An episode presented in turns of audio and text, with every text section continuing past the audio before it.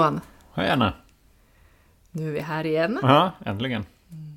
Hur mår du idag? Jag mår, eh, jag mår bra idag igen. Faktiskt. Tror jag gjorde förra gången också. Ja, det känns som att det här eh, 2023. Bra grej. Ja. Mm.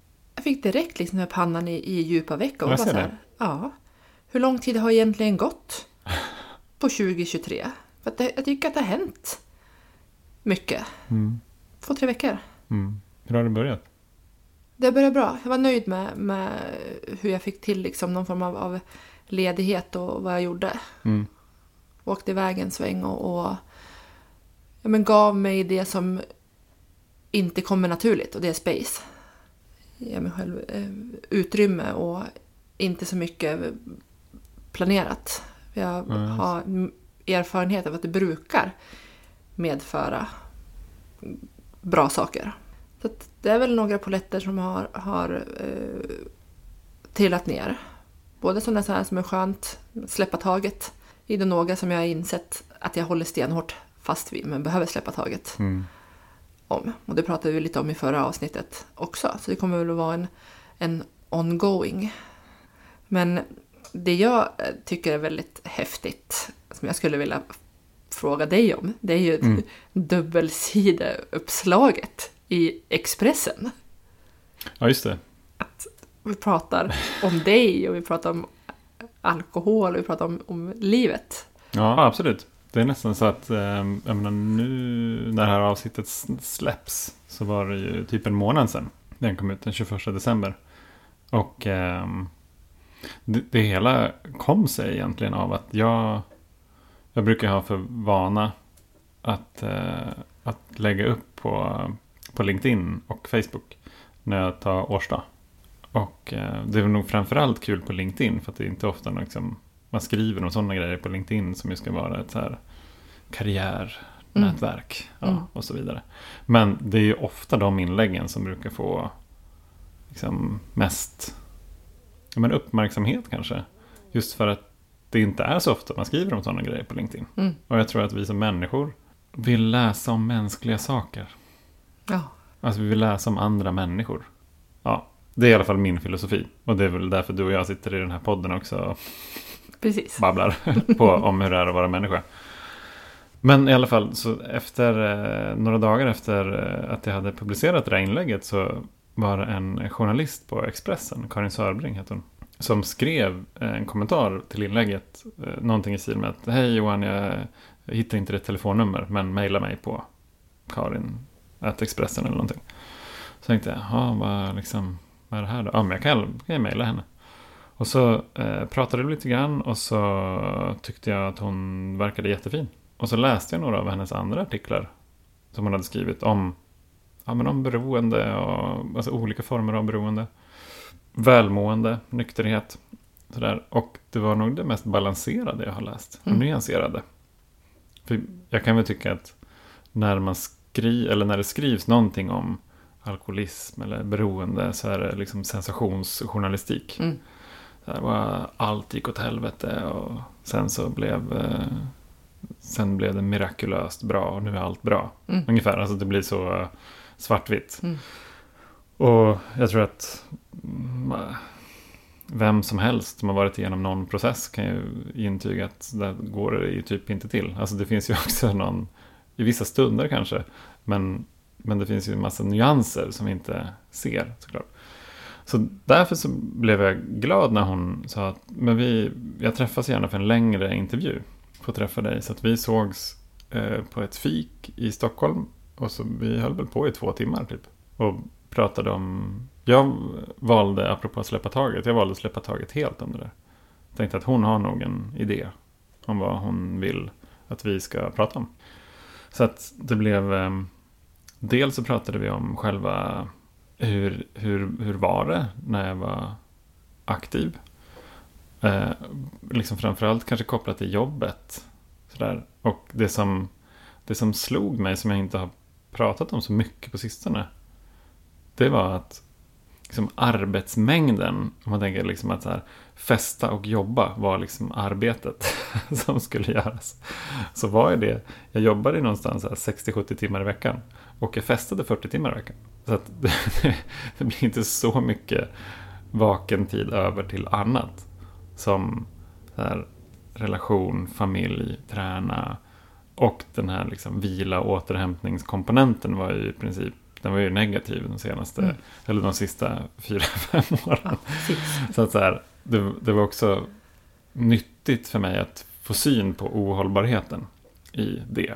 Och att liksom kastas tillbaka till, shit, hur var det egentligen där liksom hösten 2015? För nu var det över sju år sedan. Mm. Så det var en bra påminnelse om det.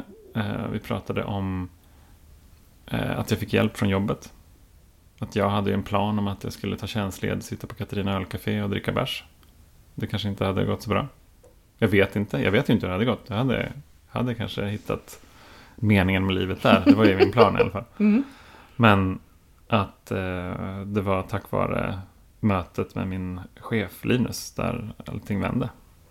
Och jag fick liksom upp ett annat spår. Som jag inte ens hade sett själv. Nej. Terapispåret. Ja, okej, ja. Kan jag utforska. Och sen hur... eh, Ja, det har jag sagt flera gånger tidigare. Men just att göra den där konsekvensanalysen av vad, vad, vad leder mitt nuvarande beteende till. Mm. Och jag menar, jag var tvungen att applicera det på festande, men det går att applicera på vad som helst. Så liksom, vad får det för långsiktiga och kortsiktiga konsekvenser, både positiva och negativa, att göra som jag gör just nu? På den långsiktiga liksom, sidan där, så den, den, den enda positiva var ju så här, för ett brett nätverk. Och på de kortsiktiga så var det ganska jämnt. Det var liksom, ja men jag är lite trött, men det är kul. Typ. Men det fanns ju så många långsiktiga negativa konsekvenser. Bara så här, jag kommer bli ensam, jag kommer förlora jobbet, jag kommer... Jag kommer att dö i förtid. Mm. Och jag kommer inte bli pappa. Till exempel.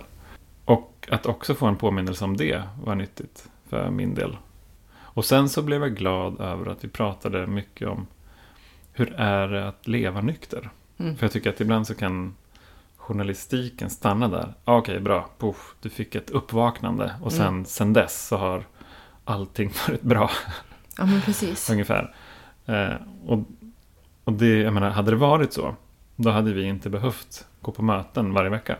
Utan då hade det räckt med att gå på ett möte eller två möten.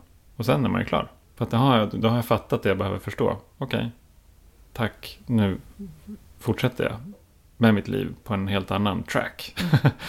men, men det är ju inte så. Vi funkar, eller jag funkar i alla fall. Det handlar ju om att skruva om så många delar av livet när vi blir nyktra. I alla fall så var det för mig. Att så här, jag kunde inte fortsätta jobba 60-70 timmar. För att anledningen till varför jag gjorde det var ju också för att jag var beroende av stress och prestation. Mm. Så för att ge tid till, alltså vi säger vila och återhämtning. Och det är ju det, men det är ju liksom rent specifikt. Efter att ha varit i ett missbruk så måste hjärnan läka. För att hjärnan är trasig. Och den kan inte läka om den inte får vila. Nej. Så att det att då liksom bara jobba heltid. Och sen att gå på möten, att ha vila och återhämtning. Liksom det var en, det är en så stor förändring egentligen av ganska grundläggande komponenter i livet. Mm. Så även när de är gjorda, vilket ju tar ett litet tag, så kan man tänka sig, ja men då är man väl klar i alla fall. Nej.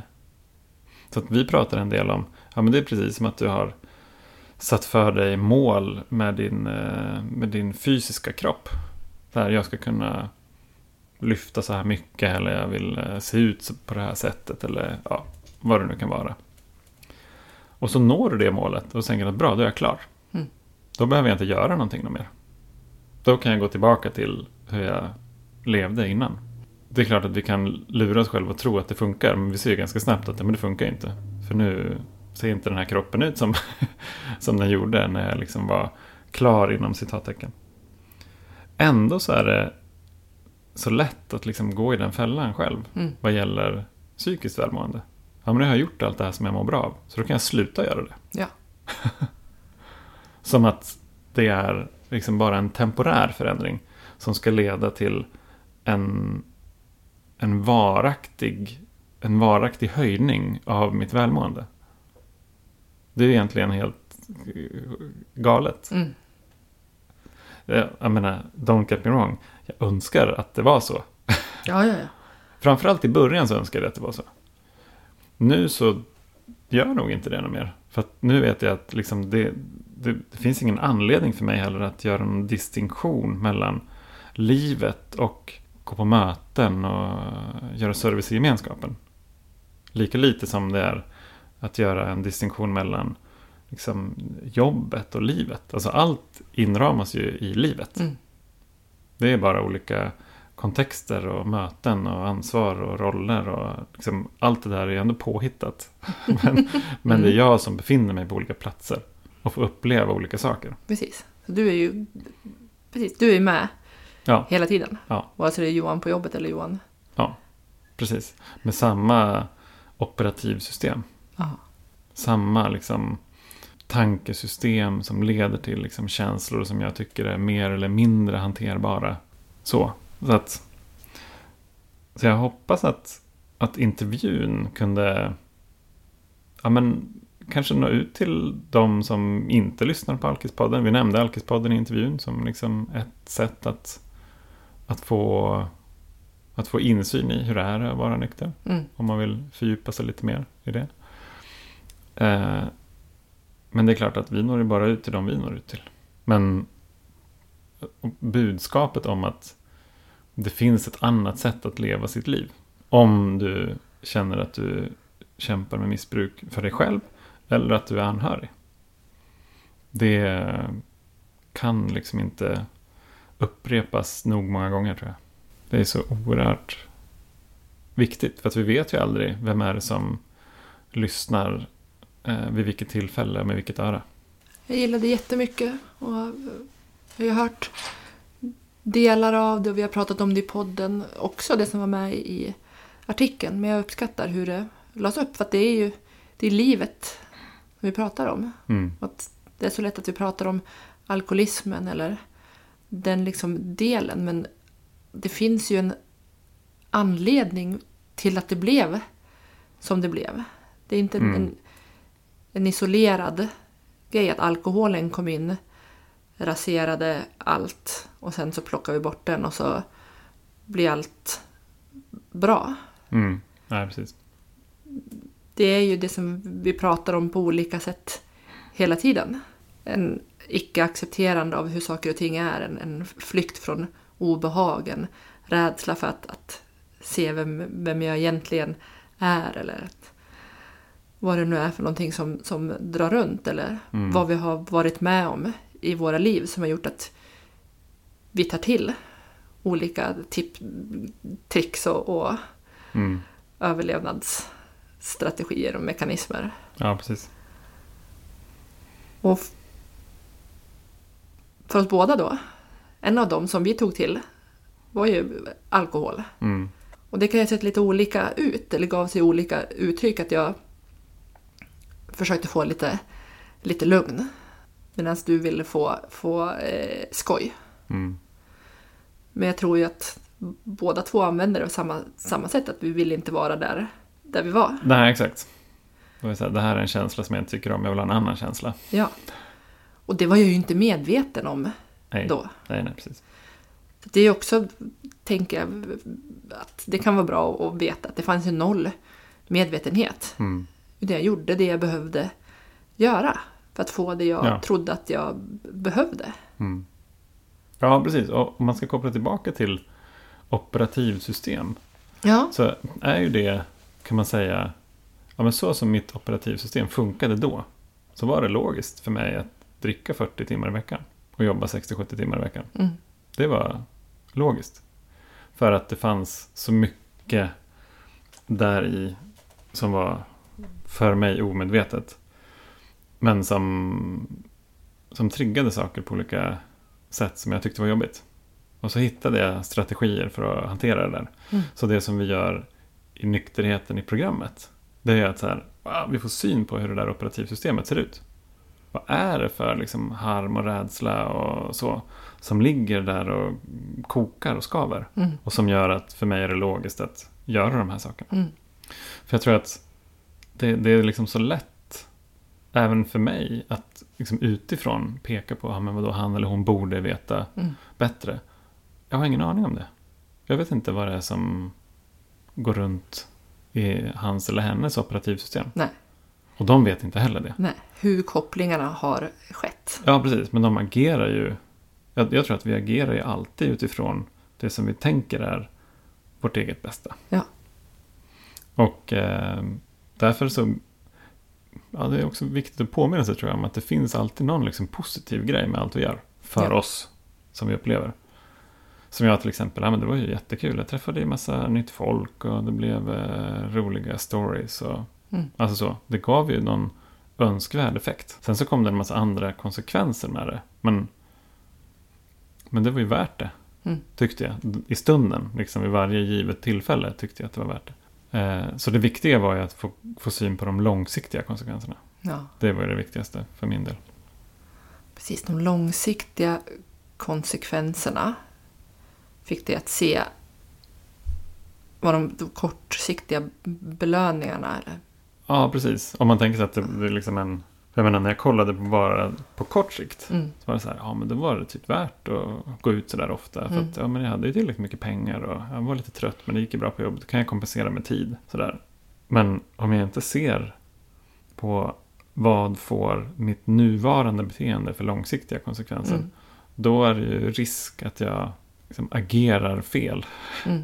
Och på ett sätt, och med fel då inom citattecken så menar jag på ett sätt som inte är bra för mig. Dit jag egentligen inte vill. Vi lägger ju ingen värdering i om någon vill dricka 40 timmar i veckan. Det får man göra som man vill. Mm, absolut. Men det viktiga för mig var ju att okej, ja, det kommer leda till det här. Ja. Och det är ju konsekvenser som jag inte vill ha. Till Mm. exempel att dö i förtid eller bli själv eller inte bli pappa och så vidare. Mm. Så att, ja.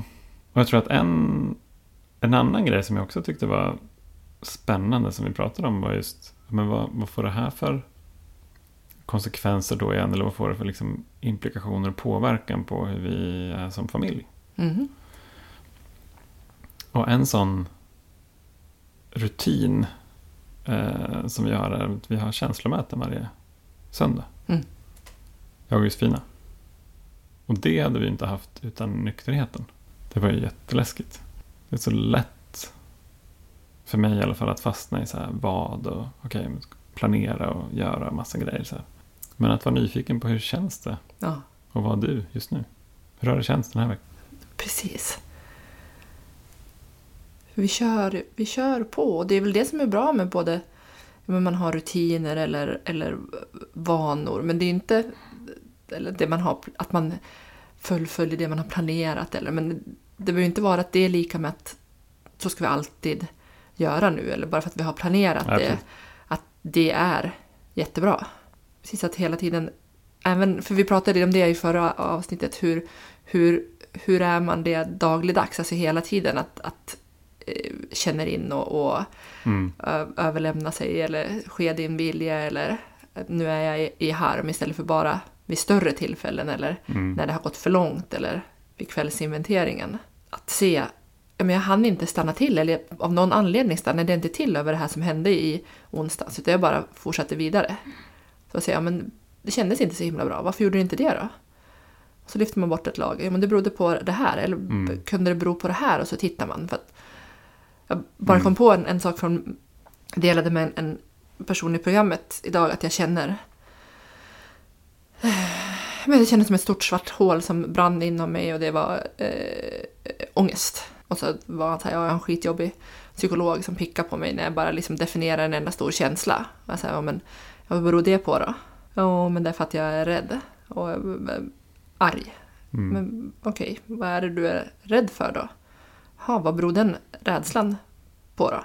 Och vad beror det på att du är Mm. arg? Vad är den bakomliggande orsaken? Så att hur vi än gör kommer vi inte, vi kommer inte undan att göra jobbet. Och då skjuter vi det bara vidare och Mm. kommer upprepa samma sak igen. Mm. Det är någon annan en, eh, bok som jag läst från en, en vis person som sa så här att, att samma sak kommer att fortsätta komma upp och bita dig i, i rumpan tills du fattar det Mm. och, och Just det. gör annorlunda. Du kommer att få samma läxor om och om, och om igen Mm. om vi liksom inte stannar upp. Det är väldigt klokt det där faktiskt.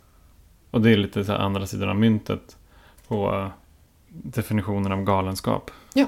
Att göra samma sak och förvänta sig ett annat resultat. Ja. Verkligen. Då får jag läxorna igen. Ja. Ah, men det kanske går bättre den här gången. Nej. Jag menar, det, det är ju lätt att tänka sig det när vi drack. Ja, men den här gången kanske inte spårar ur. Eller den här gången kanske jag klarar av att dricka tre, fyra öl och sen så tackar jag för mig och så Mm. är jag i säng vid tio. Istället för att jag är på efterfest i fem. Ja. Men oavsett liksom, när, hur länge vi har varit nyktra och så vidare så är vi ändå beroende. Ja. Så att vi kommer ju från tid till annan i alla fall. Lite grann beroende på våran andliga spänst. Att ta till andra saker. Då får vi andra läxor. Mm. Om det kan vara, det vet jag, sätta gränser i relationer till vänner. Där, hur göra det kärleksfullt? Jag menar, ja, så får jag träna på olika områden som kommer upp i livet. Mm. Det är ganska spännande tycker jag. Och jag, jag var på ett möte igår och delade om det. Det var som vanligt eh, att jag tänkte att jag har ingenting att säga. Men så efter ett tag, och det var ett möte där man inte går runt, liksom, utan man får räcka upp handen om man vill dela. Mm. Så var det väl fem tio minuter kvar av mötet. var jag så här, ja men det här vill jag dela om. Och det var, vad är egentligen programmet? Oj. Ja. För att, att när jag blev nykter, då var det så tydligt så här, ja men, ja men jag behöver det här för att få hjälp med att sluta dricka och hitta annat sätt att leva. Så att jag inte ska vilja dricka igen. Men, men när vi är klara, inom citattecken, med det då, då är vi ju inte klara, utan då är vi liksom redo för nästa grej. Mm. Och men nu på, på senaste tid så har det varit Alltså både så här att byta jobb till exempel, som har varit en ganska smärtsam process för min del. Men där har ju programmet, jag fått använda programmet och verktygen där i lite grann ur ett annat perspektiv. Mm. Så här, okej, ja, men hur vill jag hur vill jag hantera alla relationer? Som har att göra med att jag ser upp mig från ett jobb och liksom börjar på ett annat. Mm. Det är ju också verktyg Mm. i den här lådan. Eller att bli pappa. Eller att gifta sig. Eller att, det behöver inte vara de stora grejerna heller. Utan det kan vara i, ja men som i vänskapsrelationer till exempel. Som hur, hur kan jag vara nykter, kärleksfull i alla de här olika kontexterna. Mm. Och det är egentligen programmet för mig. Så det är inte liksom någon, någonting som bara är för att bli nykter från alkohol. Utan det är ett livsutvecklingsprogram. Ja. Så att det, det får ett väldigt stort scope. Och egentligen så kan man säga att, det, att vi, vi får liksom koppling till det i ett steg 12. För så här, när vi som resultat av dessa steg hade haft ett andligt uppvaknande försökte föra detta budskap vidare. Och det kan man till exempel göra via en podd, men man kan också göra det på massa andra olika sätt. Men, och där, den sista delen av det här, och försökte och applicerade dessa principer i alla våra angelägenheter. Mm. Och det finns ju så många angelägenheter. Ja. Eller hur? Ja. Eh, men den första angelägenheten är att vi måste bli nyktra från alkoholen eller drogerna. För att kunna jobba med alla de där andra grejerna som Mm. kanske egentligen är grunden till varför vi drack. Precis. Men det går inte att fatta. Det går inte på något sätt att greppa förrän alkoholen, de drogerna då, eh, är ute ur leken. Nej. Då börjar vi förstå att okej, det är andra saker Mm. som ligger till grund. Och när, som jag tänker då, när jag är i, i andlig spänst, Mm. när jag är nära programmet och, och gör det jag ska, då, då kan jag ha liksom nyfikna glasögonen på Mm. och se det som spännande. Okej, nu står jag inför en utmaning här. Mm. Hur kan jag applicera stegen? Eller så sker det bara att jag på något sätt Mm. gör det. Men mm, jag fastnade i min egen, i min egen eh, tanke där. Att allt är nytt Mm. hela tiden. Och det, det går liksom inte bara som på räls att jag förstår att det här är någonting nytt och jag kan ta hjälp av stegen för att, att, att lösa det här eller, eller komma vidare eller Mm. Vad det är som är ändamålet. Utan det är ju upptäcktsresa. Ja, precis. Nej, men, och det kan vara stegen, det kan vara traditionerna, det kan vara principerna, det kan ju Mm. vara att jag hör det jag behöver höra på något möte. Mm. När de går igenom samma sak som inte heller har specifikt med alkohol att göra utan någonting helt annat. Mm. Så att de där de principerna, de är ju, tänker jag nog, eh, medvetet luddigt formulerade liksom, Mm. i själva steget. För att det är liksom allt som programmet omfattar. Som är att, ja men i grund och botten ha ett andligt perspektiv på livet. Och vad det är i en given situation, ja, det får man utforska själv tror jag. Ja, precis. Men vi får verktygen att Mm. kunna göra det. Och det som vi exakt. återkommer till hela tiden, vi får valmöjligheten Mm. att välja hit eller dit. Ja. När vi var fast under, under slaveriet av, av eh, alkoholen så Mm. fanns det inget val. Ja, precis. Och det blir också så här när man sitter och pratar om det på det här sättet så inser jag också gåvan av det och när jag inser gåvan med det så kommer tacksamheten. Och då blir det också svårt att vara i, i självömkan eller att det är synd om mig för att jag har så här mycket problem och jag ska Mm. behöva steg och jag kan inte vara som en, en normal människa eller vad det nu som kan det. dra upp. Utan det är bara så här, det här är... Eh, det är bara sk- skönt. När, man, när jag stannar upp så ser jag att Mm. det är positivt. För att avrunda. Jag är nyfiken på vad är den någon av de mest otippade gåvorna du har stött på sen du blev nykter? Det, näst, det blev en så stor fråga. Den otippade. Nej, men, men det som dök upp hos mig nu är att allt, allt kommer tillbaka till, till, till mig. Alltså att, att jag, jag börjar få tilliten till mig själv tillbaka. Det jag trodde kanske var Mm. det, det som var det värsta i det här att jag inte kan lita på mig själv har visats till att jag kan lita på mig själv. Mm. Och jag har gjort allt som har stått i min makt hela livet för att försöka överleva utifrån mina eh, inre demoner. Mm. Och jag har förstått att jag har en enorm kraft. Så tilliten till dig själv. Ja. Vad fint. Ja, den kom nu. Ja, Säg kanske något annat när du frågar nästa gång. Ja, för det är ja, väldigt ja, många precis. gåvor. Ja, exakt. Vad kommer spontant hos dig? Ja, jag, jag tror att en, en sån där är liksom gåvan att, att ständigt vara i utveckling. Jag hade verkligen så ett ganska linjärt tänk på det där. Ja, men först gör man någonting och sen är det klart och så är man klar med det. Men från början av nykterheten så var det där någonting som bara, ja okej, det är väl fine att det är så. Men jag tycker inte om det. Mhm, Nej, en förbannelse. Ja, precis, exakt. Och, och så här orättvist att det, att det gäller bara mig. Ungefär att det finns någon sån liksom, offerkofta på. Alltså, jag blir aldrig klar. Mm. Så bara, nej, men ingen blir det. så att det. Det är bara så det är att vara människa. Mm. Och att det är någonting väldigt fint.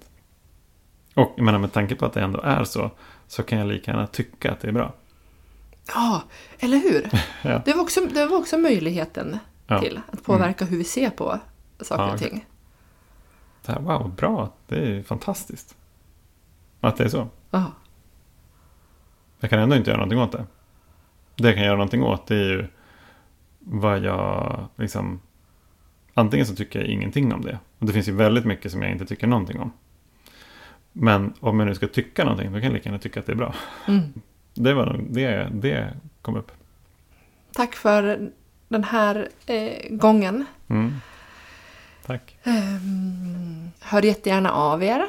Eh, vi tycker alltid att det är roligt att höra vad ni, vad ni tänker och om vi kan göra någonting för er. Och så hörs vi snart igen. Gör